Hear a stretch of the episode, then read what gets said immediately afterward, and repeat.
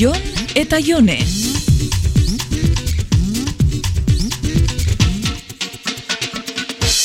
Jone, errotuladorari bai? Nik ez, baina nikok seguro, bere gelara noia. Erozein kolore? Bueno, beltza bada hobe. Eta zertarako nahi dozu? Oantxe ikusiko duzu.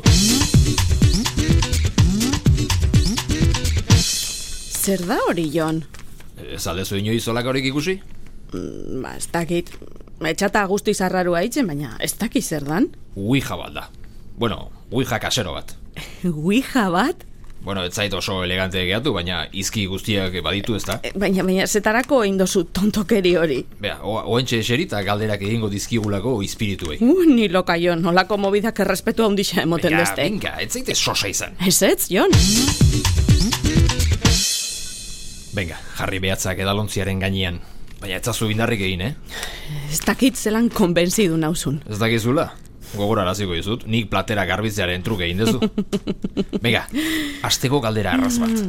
Ah, Eta zu, Jon, euskeraz ala gazteleraz. Eh?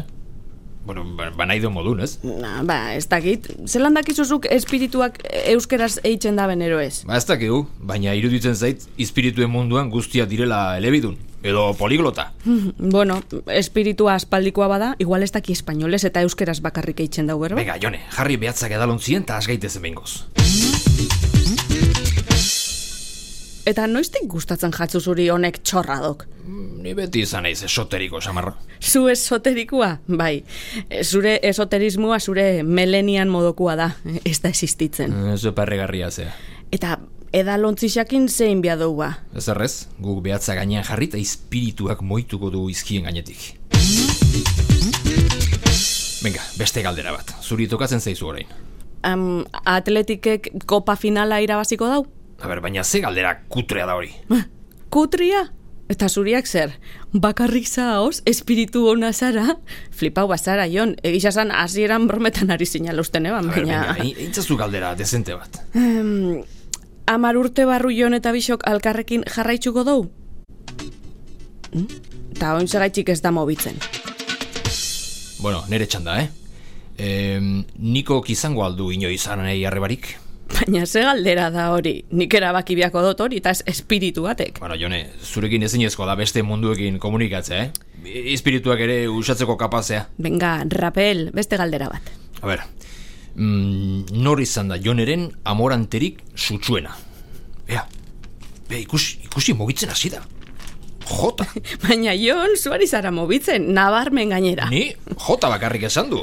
Bea, izan daiteke Jose, edo Jokin, edo Javier. Ai, pff, betxu, ni aspertu naiz txorrada honek. Ea, venga, azkeneko galdera. Venga. Bai, eta segiduan fregaua itxera. Em, joneri elkarrekin bizitzera joateko eskatzen badiot, zer esango dit? Ara, ez da mobitzen. Jode, ba, lagundu jozuzuk, espirituari edalontzia mugitzen?